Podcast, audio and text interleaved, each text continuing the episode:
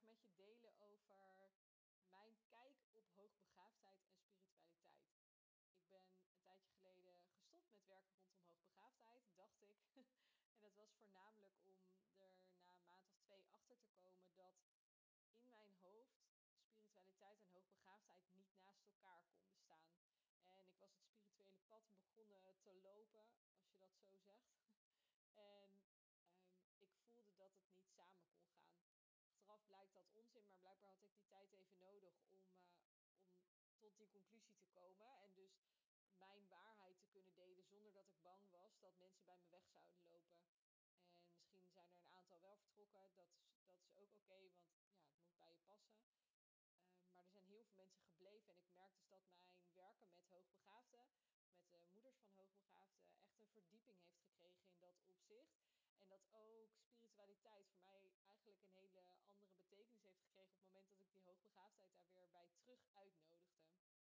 En een van de inzichten waar ik uh, de afgelopen maanden een beetje op heb zitten puzzelen en die ik wel eens met mensen gedeeld heb, maar nog niet echt out in the world heb gezet, uh, is het volgende. En ik merk dat ik het best wel een beetje spannend vind om dit te delen, want ja, wat zullen mensen er wel niet van denken? Maar het klinkt zo logisch in mijn hoofd dat ik heb er nog geen gat in kunnen schieten. Dus mocht je er anders over denken, uh, let me know. Ook als je er hetzelfde over denkt, vind ik het eigenlijk ook leuk om te horen. Want um, ja, ik ben gewoon benieuwd waarom niet, waarom, dit, waarom ik dit nog nooit ergens gelezen heb of zo. En nou ja, dat komt ie. Wat nou als hoogbegaafden gewoon al talloze levens hebben geleid? Dat dit hun 1500ste of weet ik veel hoeveelste leven is. En dat een IQ-score dus eigenlijk niet meer is dan een reflectie of een soort weergave, op welke manier dan ook, in welke verhouding dan ook, I don't know, van het aantal levens dat je al geleid hebt. Wat er in mijn ogen dus voor zorgt dat het heel logisch is dat kinderen, um, en, en alle hoogbegaafden, maar voornamelijk kinderen, uh, dus ook heel gefrustreerd raken op het moment dat ze hele simpele dingen moeten doen op school. Um, waarom het dus ook voor mijn gevoel heel logisch is waarom ze als een door de basisvaardigheden heen gaan. En waardoor ze dus eigenlijk in ontwikkeling op hun leeftijdsgenoten. En voor heel van deze kinderen begint het al in de baarmoeder. Hè, dat ze daar al voorlopen in hun ontwikkeling. Er is ook een onderzoek, eh, of er zijn onderzoeken, weet ik eigenlijk niet. Um, die verbanden proberen te leggen tussen kinderen die vroeg geboren zijn en hoogbegaafd zijn. En of er dan door een vroeggeboorte uh, bepaalde uh, verbindingen tussen de hersenen of in de hersenen anders gevormd zijn of sneller gevormd zijn of sterker gevormd zijn. Ik denk dus dat het andersom is. dat deze kinderen eerder geboren zijn. Gewoon omdat ze al klaar zijn. En dat ze dus niet door die vroeggeboorte hoogbegaafd worden.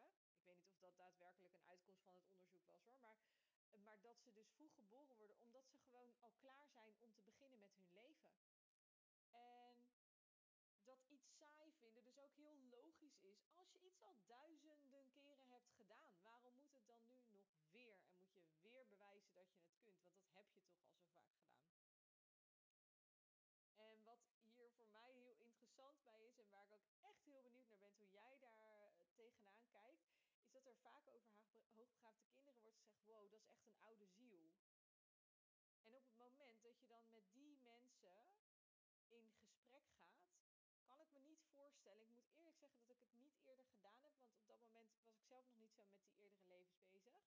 Maar ik vraag me dus af dat als ik zo iemand zou vragen: Goh, hoeveel levens heb jij al geleid of iets dergelijks, dat ze me recht in mijn gezicht uitlachen. Want nee, meerdere levens dat bestaat niet. Maar hoe kan een ziel nou een oude ziel zijn als het niet bestaat dat je meerdere levens leidt? Maar ik, ik moet mezelf wel even nuanceren, want dit is dus echt een aanname die ik doe. Hè, dat mensen op deze manier reageren. Maar ik weet van mezelf dat ik dit deed.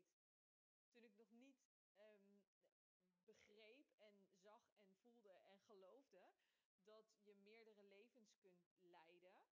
En, en dat mijn ziel misschien ook wel uh, voor de weet ik voor hoeveelste keer hier op aarde is. Op het moment dat ik dat nog niet geloofde, had ik je echt recht in je gezicht uitgelachen als je dat had gereageerd op mijn opmerking. God, dat is wel een oude ziel. En dat is dus eigenlijk heel vreemd.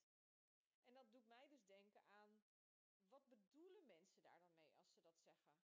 Of is het maar gewoon een lege opmerking? wat heel veel mensen zeggen, waarom je dat, dat je dat dan overneemt of zo. Maar ik ben dus wel benieuwd hoe dat, hoe dat eigenlijk zit. Of dat ze misschien stiekem wel geloven in, in al die meerdere dat het nog te, weet ik veel, te zweverig klinkt of zo.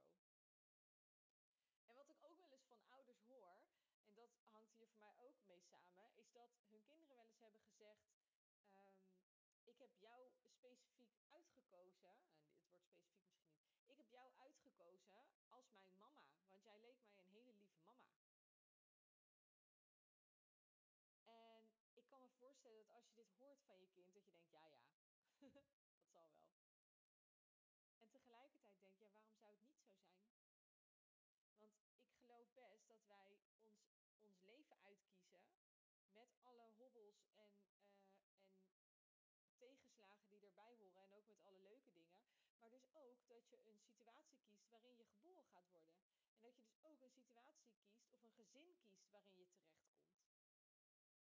Hoe dat dan precies gaat, geen idee hoor. Dat, eh, ik heb echt geen flauw idee. Maar ik vind het zo bijzonder dat, dat deze kinderen dit dan dus aangeven.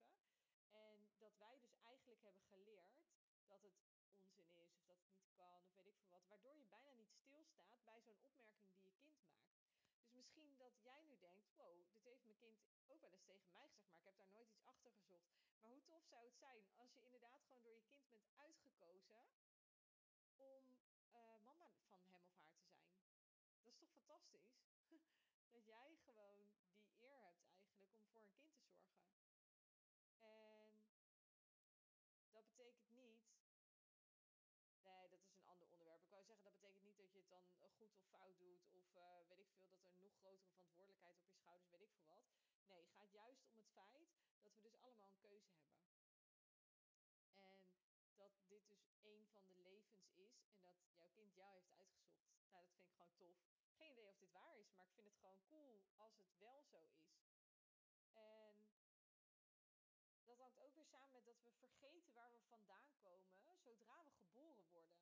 Dus uh, alle vorige levens, ja, wij weten het niet. Sommige mensen weten het omdat ze um, daarmee bezig zijn en, en die uh, inzichten hebben gekregen. Ik weet eigenlijk niet precies hoe je dit dan noemt. Vorige levens hebben gezien of weet ik veel.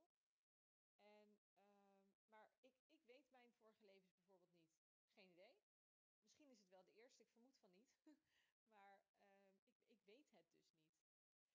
En ik vraag me dus af of het misschien de bedoeling is dat je naarmate je meerdere levens hebt geleid, ook een andere positie in de maatschappij in gaat nemen. In het leven, in, in een community bijvoorbeeld. Dat je niet meer per se de basis hoeft te leren tot in en treuren, maar dat je al heel vlug in dat meesterschap gaat zitten. Dat je al heel vlug anderen gaat helpen. Dat je pijnlijke plekken blootlegt dat je um, patronen heel snel doorziet die anderen misschien nooit door zullen hebben en, en gewoon niet aan kunnen tippen. Dat je vragen stelt waar anderen nooit mee bezig zullen zijn. En dat is niet beter of slechter of wat dan ook dan iemand anders, maar het is gewoon een andere plek op dat pad waar iedereen overheen loopt. En misschien is het zelfs nog wel een ander pad. Dat weet ik niet. Ik zit nog te denken over wat ik verder nog wil delen, maar ik denk dat dit de essentie hiervan is, omdat gewoon heel benieuwd ben wat jij ervan denkt, wederom. Niet omdat ik wil weten of het wel of niet waar is, maar ik ben nieuwsgierig wat, wat dit oproept, wat er gebeurt als je hier naar luistert. En vooral om wat ik net ook zei, het feit dat ik dit zelf nog nooit ergens ben tegengekomen. En de mensen tegen wie ik het zeg, die zeggen eigenlijk allemaal, ja, dat is heel logisch. Dus hoe komt het dan dat, dat hier niks over te vinden is.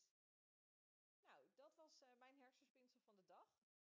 En uh, mocht jij op basis hiervan uh, nog leuke hersenspinsels terug hebben, deel ze vooral met me via social media.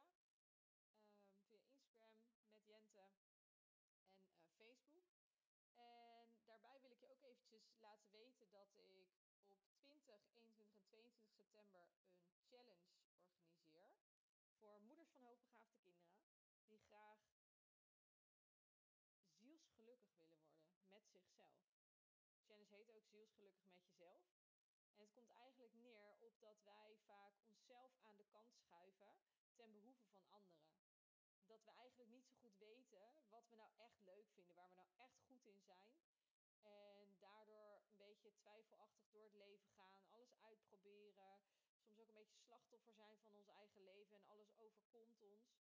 En ik ga jou in die drie dagen meenemen in wat voor jou de bedoeling is waar jij naartoe wilt. We gaan ook kijken wat je niet meer wilt, want dat is in mijn ogen heel belangrijk om ruimte te maken voor wat je wel wilt.